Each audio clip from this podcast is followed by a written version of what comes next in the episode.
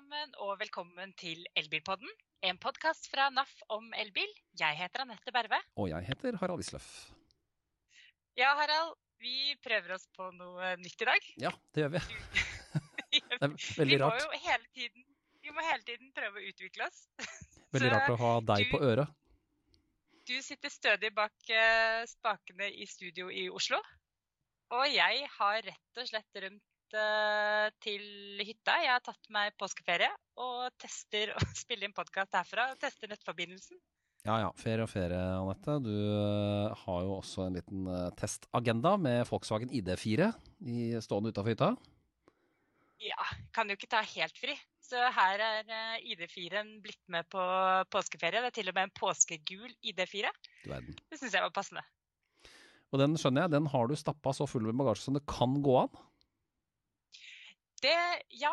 eh, Selv om det bare er mannen min og jeg som har reist opp, så er vi ikke gode på å pakke. Så det, jeg tror ikke jeg fikk inn én ekstra jakke engang. Så det er, det er ski, og det er mat for ti dager. eh, Og det er klær for ti dager.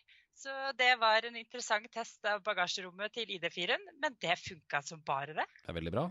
Og det å hytte og snø og påske, det bringer vi oss litt over til temaet, Anette. Det gjør jo det. For uh, nå har vi lagt en uh, veldig kald og veldig snørik vinter uh, bak oss. Og det er en haug av ferske elbilister som fikk seg en ganske bratt læringskurve. Som opplevde da sin første vinter med elbil, en ordentlig kald vinter. Opplevde at rekkevidden var kortere enn de var vant med. Og hurtigladingen gikk saktere. Så det vi rett og slett skulle, skal prøve oss på i dag, det er å finne ut av hvorfor påvirkes elbilen av kuldegradene. Eh, så hvorfor går elbilen kanskje om vinteren? Og hvorfor takler noen elbiler kulde bedre enn andre? Så vi har jo da invitert tilbake en ekspert for å forklare hva som skjer med elbilen i kuldegrader. Vårt faste orakel, må vi vel si. Vårt første faste orakel, Jan Tore Gjøby, hyggelig at du har kommet tilbake til oss. Hei, hei, og takk for at jeg får komme tilbake. Og takk for den nye tittelen. Jeg vet ikke om jeg har hørt den før, men eh, tusen takk. det er bare hyggelig å kunne gi deg litt nye titler fra gang til gang. Ja, Eh, Du er jo elektroingeniør, eh, ekspert på elbil og lading. eh, Selvstendig næringsdrivende og driver firmaet E-Mobility Norway. Og du kan forklare lytterne våre hva som skjer med elbilen i vinterkulda. ja, det skal jeg gjøre så godt jeg kan i hvert fall. Eh, Ja, både elektroingeniør og bilgal. Og jobber med elbil, så det er jo en sånn fin kombinasjon. Og du er jo ikke noen sånn luksusmann akkurat når det gjelder elbil. Du har jo reist fryktelig langt i en veldig liten elbil på ferie. Ja, altså eh, rekkevidda på elbilen er jo egentlig uendelig. Bare passe på å stoppe og lade innimellom. Det er Ja, jo det sant. som er saken. Da, Og det er vel kanskje litt utfordringen noen ganger hvis den kommer litt feil ut, og, det er, og spesielt når det er kaldt. Ja, Men de det er store, de store linjene, Jan Tore. Hva er eh, hva skal man si, det største problemet med en elbil på kaldt vinterføre? Den van, altså det, det vanligste, og liksom det man, overskriften her. Ja, altså Det største problemet enkelt og greit er jo si, eh, kjemien i batteriet. Eh, Den forandrer seg og når temperaturen på batteriet forandrer seg. Både så, så har du eh, problemer med å lade sånn under null grader. Hvis batteritemperaturen er under null grader på et uh, lithium-ion-batteri, som er det vanlige, uh, så klarer du nesten ikke å lade. Da må du lade med veldig, veldig lav hastighet. Så skal du få noe fart på ladinga, så må batteriet opp på en 10-15 graders eh, temperatur innvendig. Og har det stått natta og blitt minus 15 grader, så, så, så skal det mye energi til for å få det opp i 10 grader. Og det samme er når du skal ut. Eh, Et eh, batteri har, leverer også fra seg mindre energi når det skal ut. Altså det har mindre lagrings, lagringskapasitet når det er kaldt. Og kanskje fra eh, normalt så kan du kanskje få ut 80% når det er minus 15 grader. 80-85% I tillegg så skal jo bilen eh, ha litt varme, litt, du skal ha litt komfort inne, fortrinnsvis. Det er ikke lurt å kjøre rundt med en elbil når det er 15 grader både inni og utafor, for da ser du jo egentlig ingentingen. Så du må bruke energi på å holde kupeen varm og sånn også. Så sånn grovt sett så er det kjemi pluss forbruk som øker. Det slår meg nå at her har vi en ganske god sammenligning, og det er de, de, mobiltelefonene våre som har så lett for å bli tomme for strøm når vi går på skitur eller er ute i skogen og det er kaldt. Telefonen i sekken, og så er den plutselig tom. Her har vi mye av det samme, ja. ikke det? Det er akkurat det samme som skjer. Eh, og det interessante er hvis du, når du kommer hjem, istedenfor hvis du er veldig utålmodig, så setter du på laderen. Men la telefonen ligge og bli varm, og så får du tilbake den energien som eh, du ikke Kjemien ikke, blir for treg, for å si det veldig folkelig. Nettopp. Sånn at den, eh, elektronene de kommer seg ikke ut og rundt i, i loopen de skal være for å drive telefon eller elmotoren på elbilen eller hva det måtte være. Og Det er dette da som i praksis gjør at du opplever kortere rekkevidde og saktere radiohastighet? Ja, er det noe du selv egentlig kan gjøre for å påvirke det? Det er jo å være altså, Som regel når du har behov for lang rekkevidde, så skal du jo ut på en lengre tur.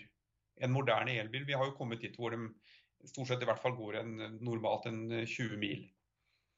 Eh, så vi snakker om en litt lengre tur. Eh, og da er det jo forberedelse. Altså ikke bare lade strøm, men lade varme. Og Der er jo elbilene veldig forskjellige, både med si, hva slags batterivarmesystem er, og, og, hvilke muligheter det er for å forvarme også. Eh, så det er viktig å få varma opp eh, bilen, ikke så du slipper å bruke strøm på å varme opp bilen, altså innvendig kupeen, men også eh, der det er mulig å få varma opp batteriet. Så forteller bilen når du skal dra. Litt mer avanserte elbiler gjør jo da det som skal til for at bilen er kjøreklar når vi skal ut på tur. Det er rett og slett snakk om et varmeapparat til batteriet på, de, på en del av elbilene? Ja. På, på de, ja, nesten de fleste eh, så, er, så, er, det oppvarming av, av batteriet. Mm. Ja, for her har de ulike bilprodusentene ulik tilnærming til hvordan de forbereder bilene sine på, altså på, vinter, eh, på kuldegrader og kjøres, kjøres om vinteren. Hvilke ulike varmesystemer er det eh, du har sett at de ulike bilprodusentene bruker for å, for å forbedre egenskapene til elbilen om vinteren? Ja, Vi kan jo si at det er i hovedsak Vi begynner med klimatisering av batteriet, da, som det heter så fint. For dette også, handler jo både om kulde og varme. Men i Norge så er vi mest fokus på kulda. Eh, og den klimatiseringa, eh, det er to måter som er brukt for å kjøle. Det ene er jo en åpen løsning hvor du har luftkjøling, rett og slett. Eller luftvarming, eh, men det er veldig lite altså For varming spesielt så er det en veldig dårlig teknikk. Og så har du mer innbygde hvor du har væskekjøling. Eh, hvor du har hele klimaanlegget i bilen. Både kjøler, varmer, motor, elektronikk, batteri, kupé og alt sammen. Og med et mer lokka system så får du en mye bedre bedre klimatisering av batteriet. Men det, altså, det, er jo fordeler og ulemper. Eh, et, klart Et lokka system er mye mer uh, avansert. Mye mer kan gå feil. Koster mer penger osv. Så videre. så, og der er jo enkelheten med luftsaken veldig bra. Så hvis du ikke har behov for å dra mye på langtur, så, så holder du lenge med bil som også har luftkjølt batteri. Men det har sine ulemper. Men et varmeanlegg kan nesten sammenlignes som en uh, slags radiatorovn altså rundt i bilen med dette lukkede systemet som sørger for at alt er varmt. Både kupévarme og nesten varmekabler på gulvet til batteriet. Ja, det, det går væske inne i batteriet eh, som varmer eller kjøler det. Er alle bilene Eh, skal vi si både like ueffektive eller like effektive om vinteren, eller er det store forskjeller her?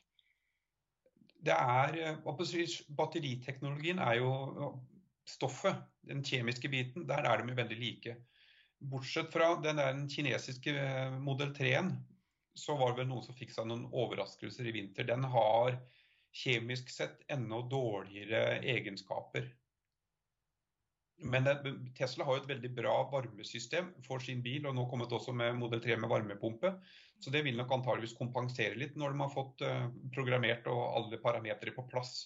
Ja, for, for det, så lenge systemet er er der, så er det jo programmering som må til.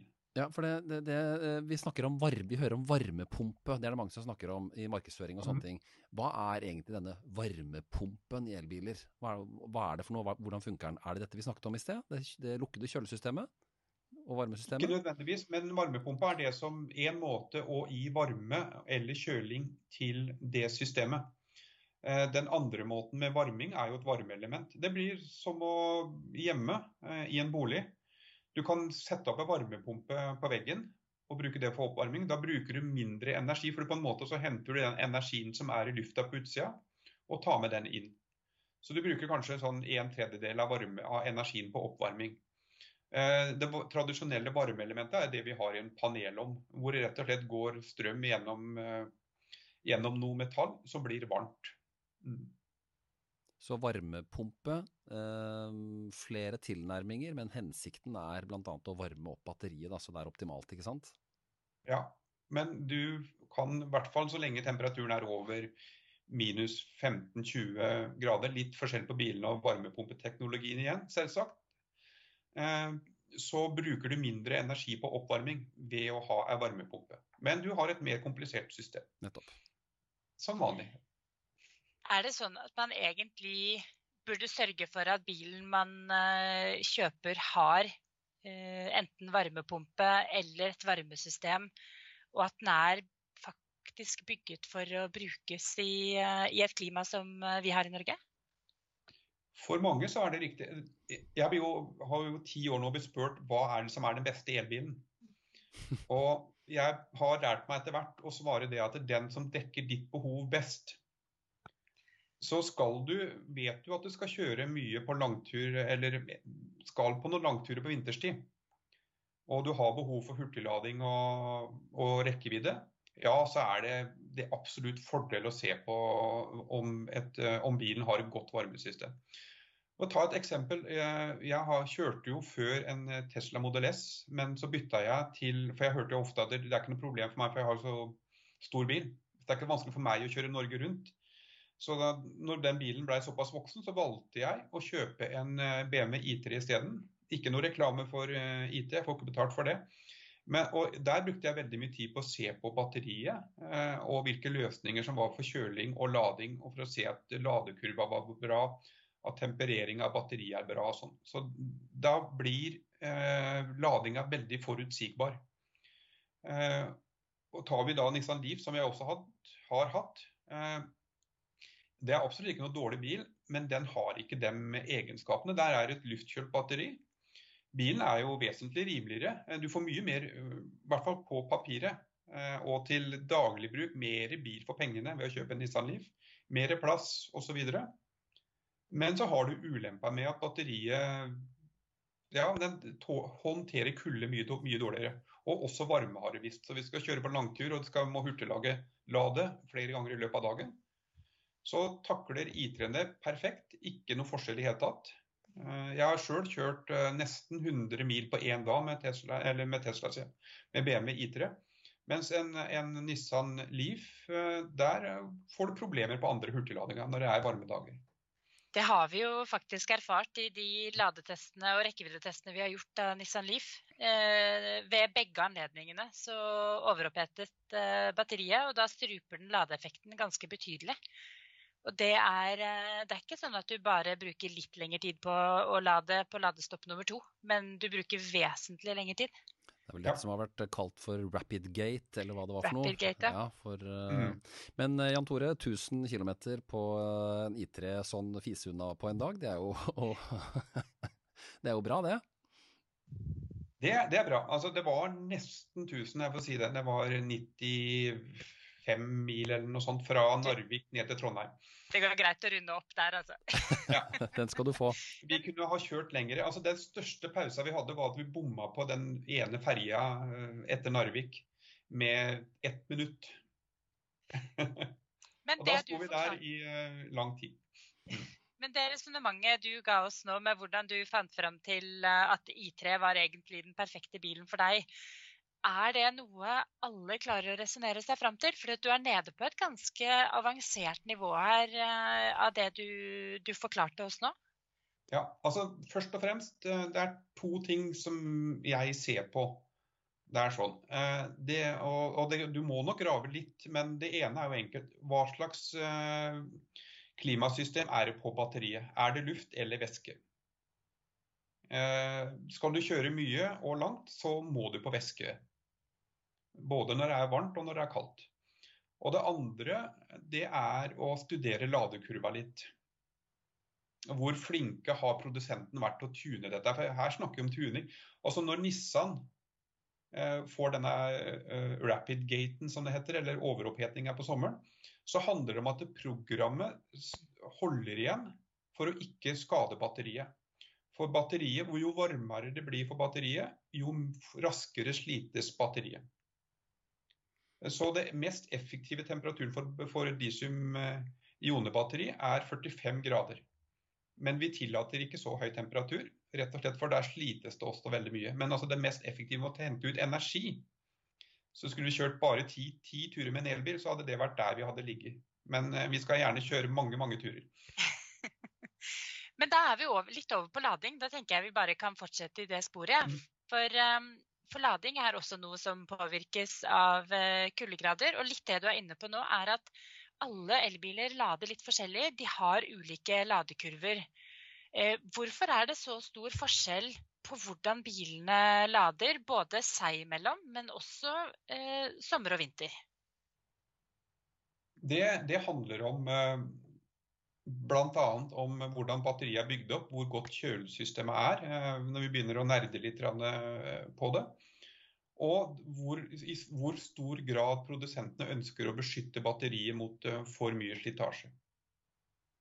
Men, okay, men det, vi, det, vi, ser på på ladekurva, som er, si, som er en sånn typisk tegn altså Hvis ladekurva er veldig hakkete, du kommer f.eks. til 60, og så plutselig så dropper det med, ja, med flere titalls kilowatt, så tyder det på at her ligger det bare algoritme inne og bestemmer, og ikke en måling. Altså Hvis du ser på, og Da får jeg vel skryte litt av BMW, BM igjen. Eh, den er jo glatt og går oppover. Helt til 80-85% Men det er, det er, klart at en IT-er har jo bare en ladehastighet på 50 kW, så den er jo lav i forhold til dagens 150. Men hvis du kan se at ladekurva er glatt og fin, da vet du at det, her ligger det både målinger og, og nøyaktig tuning bak. Hvis det går sånn eh, som et trapp nedover, så er det rett og slett bare en enkel algoritme som sier vel, OK, 60 da struper vi. Dette, dette, her, Jan Tore, det betyr at eh, lading og batteri det består, altså Én ting er sånne fysiske, tekniske begrensninger på batteriet og hvor mye strøm som er tilgjengelig og sånne ting, men mye mm. er rett og slett programvare, hvor mye produsenten har utviklet programvaren sin. Eh, som du er inne på selv, hvor, mye, hvor store sjanser de tar på mm. å kjøre strøm inn i batteriet, og hvor mye de har tunet sånn at programvaren oppfører seg så bortimot optimalt som mulig. ikke sant? Det er, det er programvare ja. som er ve veldig vesentlig her. Det er en, en vesentlig del av det. Uh, absolutt. Hvorfor? Så det er jo, når, når, når NAF gjør den ladetesten som dere gjør, så er den egentlig jo mer detaljerte grafer dere tar ut av den og viser oss, så til bedre er det. Så der, der ligger det faktisk mye, mye, kunnskap. Men det fine nå er jo det den over-air update som vi har. Altså Ladekurva på den Volvoen som jeg kjører nå, kan jo bli opp, være oppdatert nå uten at jeg vet det, når jeg sitter her sånn. Ja, for, fordi når, når, når, da, når, vi har en bil som har eh, programvare som styrer en god del ting, bl.a. lading, mm og man har mulighet for å oppdatere programvaren, spesielt eh, bare ved å koble seg til trådløsnettet hjemme, så betyr det at man kan, produsentene kan da fikse på programvaren så at den lader mer effektivt eller bedre, eller hva det måtte være. Ja, eller fikse eller tune, vil vi nerder si da. Ja.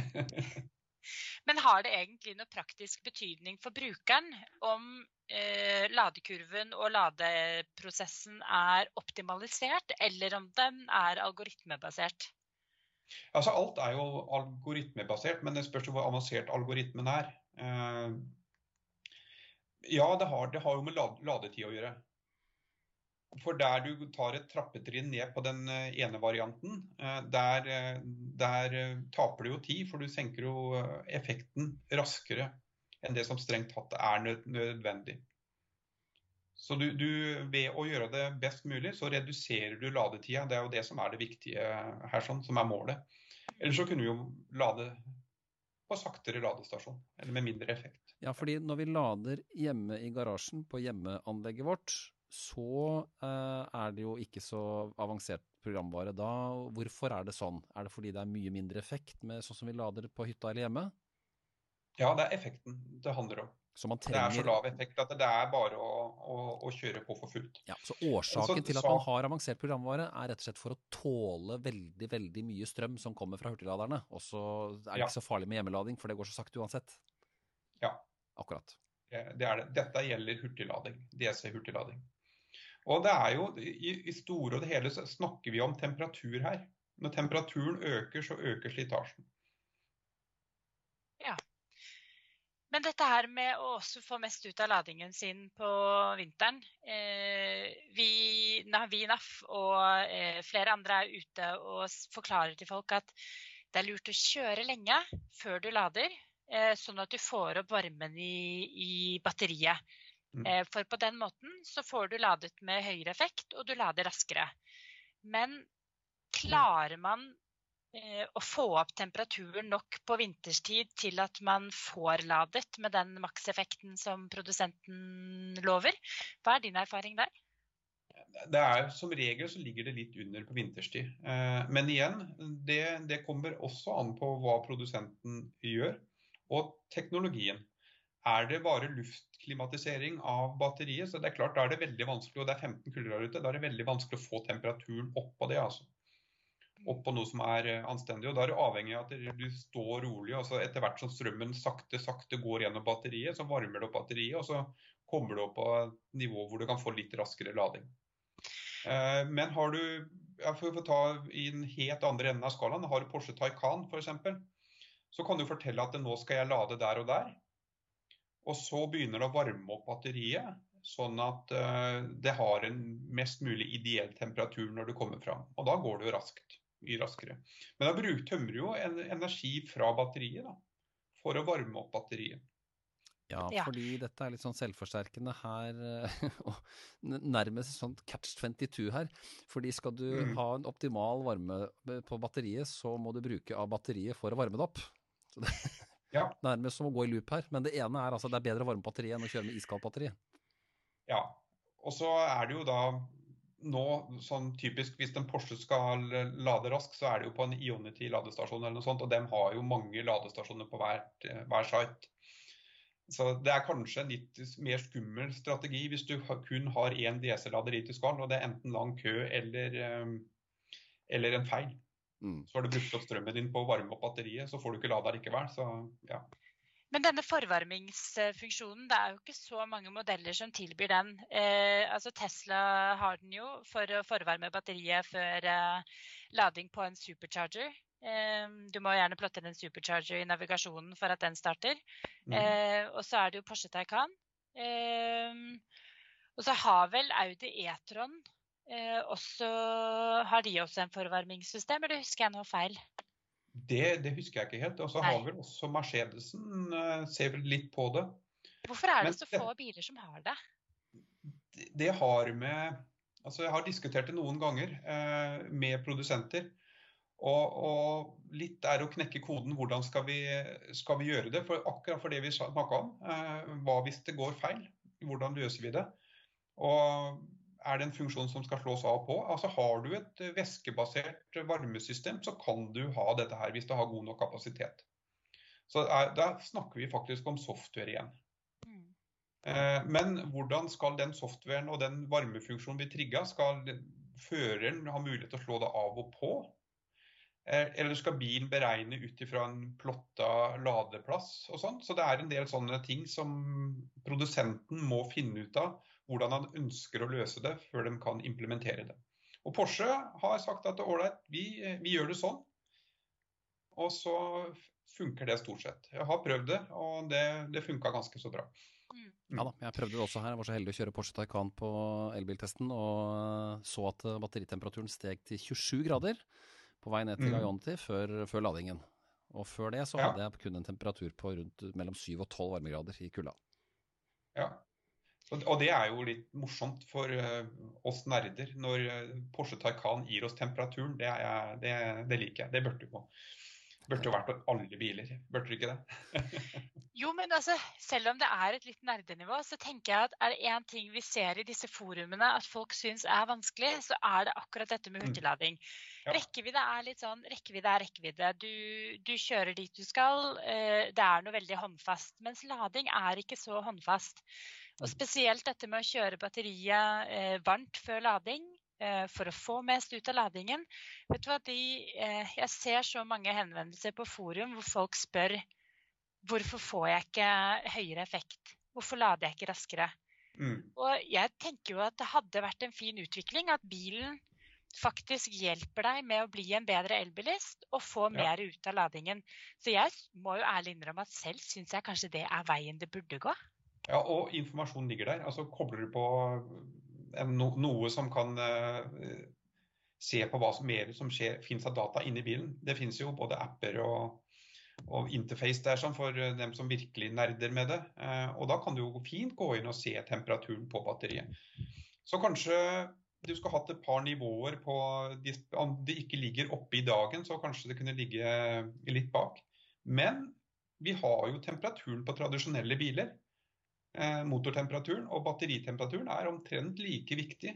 Så det er jo bare et tall som kunne stått der. Så, ja, det er jo faktisk slående det der at uh, motortemperatur, det har vi jo vært vant til eh, de siste 70 årene. Ja. den, den, den, det instrumentet er jo alltid med i dashbordet. Og da mm. kunne jo også Men det, jeg skjønner jo at det krever å venne folk til dette å forstå batteritemperatur også. Men det burde ikke være så vanskelig ja. heller. Nei, jeg tror ikke det. Og vi hadde det jo på forbrenningsmotoren, og har det. Ikke fordi vi trenger det i dag. Altså, det er jo, når, når er en motor overoppheter i dag? Men går vi tilbake til den Cortinaen jeg hadde på 70-tallet, eh, og som var produsert på 60-tallet, så er det helt klart at det å følge med på motortemperaturen var viktig. Ja. Absolutt. Ja da, ja da. Ford Cortina, ja. Og så har det bare blitt, blitt, med videre, for det, vi er vant til å ha det. Ja. Mm. Mine foreldre hadde Ford Cortina, og den uh, kokte uavlatelig. Det var uh, Og da rant det inn i kupeen på gulvet. Så var det da kokende kjølevann, så var det bare å løfte beina og komme seg ut. ja. Det er gode ferieminner, det. uh, Men er det med dagens Dette er jo dagens batteriteknologi, det vi snakker om nå. Mm. Og her ser vi jo absolutt store sprik. Men hva, er dette noe vi bare må lære oss å leve med? Altså kuldegrader påvirker elbilen. Vi har kortere rekkevidde på vinterstid, og den lader saktere. Det er ikke veldig mye vi får gjort med det. Dette er bare det er sånn batterikjemien er. Eller tror du dette her faktisk kommer til å løses, og vi etter hvert får elbiler som presterer like godt på vinteren som de gjør om sommeren? Altså, kjemien med, Så lenge vi har dagens kjemi, så må vi leve med det. Det, det, må vi. Da er vi over på ny batteriteknologi. Men hvordan det håndteres, sånn som vi har sett, vi diskuterte så vidt eh, Porsche Taycan her, med systemer for det. Men vi har jo det samme på bilene, de tradisjonelle bilene med forbrenningsmotor. Altså, du har jo vesentlig større forbruk vinterstid der også, egentlig. Eller, men, men, i og med at mesteparten går bort til varme uansett, så legger vi ikke så godt merke til det. Men den delen av energien som går til framdrift, den er vesentlig mye større på en forbrenningsmotor også. På, på sommer, sommer, og vintertid. Så den debatten, vi, er, vi er vant til det, den, egentlig. Den debatten blir liksom litt borte nå når vi snakker om rekkevidde på vinteren. For det er ingen som tenker på at uh, rekkevidde per liter bensin eller diesel er jo atskillig dårligere på vinter på en fossilmotor også. Mm, det er det. Så, og særlig hvis det er mye stopp og start. Da blir det hvor du ikke får arbeidstemperaturen opp. og det, det, handler jo veldig mye om arbeidstemperatur her også. Mm. Mm. Men hvis vi nå har noen lyttere der ute som uh, ikke har skaffet seg elbil ennå, uh, har sittet og lyttet seg gjennom uh, denne podkasten for å lære litt mer om hva som skjer med elbilene på, i kuldegrader, og kanskje syns det har vært litt avskrekkende med alt snakket om at rekkevidden blir kortere. Eh, hva, hva, er måte, hva, er ditt enkleste råd til ferske elbilister der ute med hva de kan eh, forberede seg på eller forvente eh, av elbilens egenskaper om eh, vinteren? er det en tommelfingerregel med at uh, beregn 20% kortere rekkevidde, så er du innafor? Ja, det, det, er det nok. Og så er det litt viktig å huske på det også når du Altså, hva er det du bruker den til? Eh, mange kommer jo hjem etter en, eh, noen kjøreturer hvor det har vært mye stå, eh, start og stopp, og ser at rekkevidda har vært helt elendig. Men når du er på langtur hvor du har behov for rekkevidda, så, så, så, så, er ikke fallet så stort. Så på langtur, jeg tipper ja, 20 er, er eh, bra. Men så kan det jo være føreforhold pga. slaps og sånt som gjør at rekkevidda også påvirkes. Så det må vi også, også, ta med. Men å forberede seg, så er det jo å skaffe, så sant det er mulig, få satt opp en skikkelig ladestasjon. Rett og slett. Og der er det litt viktig å huske på det også, at hvis du bare baserer deg på stikkontakten, den enkle, så er eh, den effekten som går der sånn, så lav at du vil tappe Hvis du forvarmer bilen, så vil du tappe av batteriet også. For det er ikke nok effekt som går gjennom ladekabelen til å holde. Men setter opp en ladestasjon som uh, i hvert fall har en 20 ampere enfaskurs, så du er oppe på en rundt 4 kW, så vil du stort sett klare å, å varme bilen uten å tappe av uh, batteriet. Det er vel fort å tenke at uh, det er lett å sette opp en, ta en stikkontakt et eller annet sted i huset som kanskje er 10, 10 ampere, da, og så 20 meter skjøteledning, og så inn i denne ladekladden som følger med bilen. Da har man en dårlig løsning, både sikkerhetsmessig og lademessig. Ja, da har du en dårlig, dårlig løsning. Og da, så forberedelsen er hjemme. Det er å, å få opp et godt ladepunkt hvis er, du, du bor sånn at du kan få det opp. Og hvis elektrikeren det... Eh, kommer og sier at elinstallasjonen din ikke er god nok, så trenger den uansett en oppgradering. Jeg syns det er interessant det du sa der, eh, Jan Tore. For du sier jo egentlig at vinninga går opp i spinninga hvis du lader med for lav effekt. Hvis du prøver å forvarme batteriet. Ja. Det tror jeg ikke nødvendigvis uh, man er så veldig klar over. Det har ikke jeg vært klar over. Altså, og det, det, lærte jeg uh, skikkelig her Det må være vinteren 2012, når jeg hadde min første vinter med elbil. Da skulle jeg til Oslo. Jeg bodde i Rakstad og i retning Aremark, for den som er lokalkjente. Dvs. Si at jeg hadde en ti, en ti mil ca. inn til Oslo. Og det skulle jo gå med et nødskrik. Så jeg satte meg jo i bilen. Men, eh, eller jeg forberedte meg på alle mulige måter. Men jeg hadde ikke kommet så langt ennå at jeg hadde fått opp en skikkelig ladestasjon. Så jeg kom ut og kjenner at det her er, dette er kaldt. Altså. Det, var sånn, det var vel rundt 20 minus. Ordentlig kaldt i fjeset, og du hører knaker i snøen når du går bort. Og setter meg i bilen og bestemmer meg for at ålreit, nå er det bare å få temperaturen ned. Bare nok til å holde ruta ren, og så lue og allting, og prøve å komme meg innover. Og det falt fortere og fortere. Og jeg starta da med 95% på batteriet, fordi at dere hadde tatt strøm fra batteriet for å komme dit. Så det er jo starten. Og det er litt artig med den uh, saken. Jeg kom jo aldri inn til Oslo med bilen. Jeg måtte stoppe på Ski og ta toget resten. Og jeg kom for sent til mitt aller første foredrag, som var for en finsk delegasjon om vinterkjøring med elbil. Skjebnens ironi. Og det var en veldig artig, artig sak. en veldig praktisk eh, intro til det, til det, foredraget. Vi hadde noe å snakke om, det hadde vi absolutt. Så, og der, det er, det, er, jo sånn jeg har lært veldig mye. Det er jo at ting har feila litt. Så da er det veldig fint å kunne komme hit og dele det. Så ikke, ikke alle må gjøre den samme feilen som jeg har gjort. veldig bra. Det er jo mye sånn at man må, uh, man må erfare en del av disse tingene selv. For vi kan liksom uh, skrive og, og, snakke oss blå og grønne på hva man bør og ikke bør. Men uh, den beste erfaringen er jo den man gjør selv. Og så skal vi, både NAF og deg, bidra med, med ladetester og forbrukerinformasjon, sånn at man ja. er så godt skodd som mulig. Det er sant. Så litt, litt feil det, og litt sånn prøving og feiling, og det tror jeg nok det er veldig viktig å ta høyde for også når du går over til elbilen. Vi, det sa det vel også på den forrige podkasten. Vi har aller fleste har vokst opp i et baksete på en bil eh, og lært oss det, hvordan en vanlig, tradisjonell bil med forbrenningsmotor fungerer.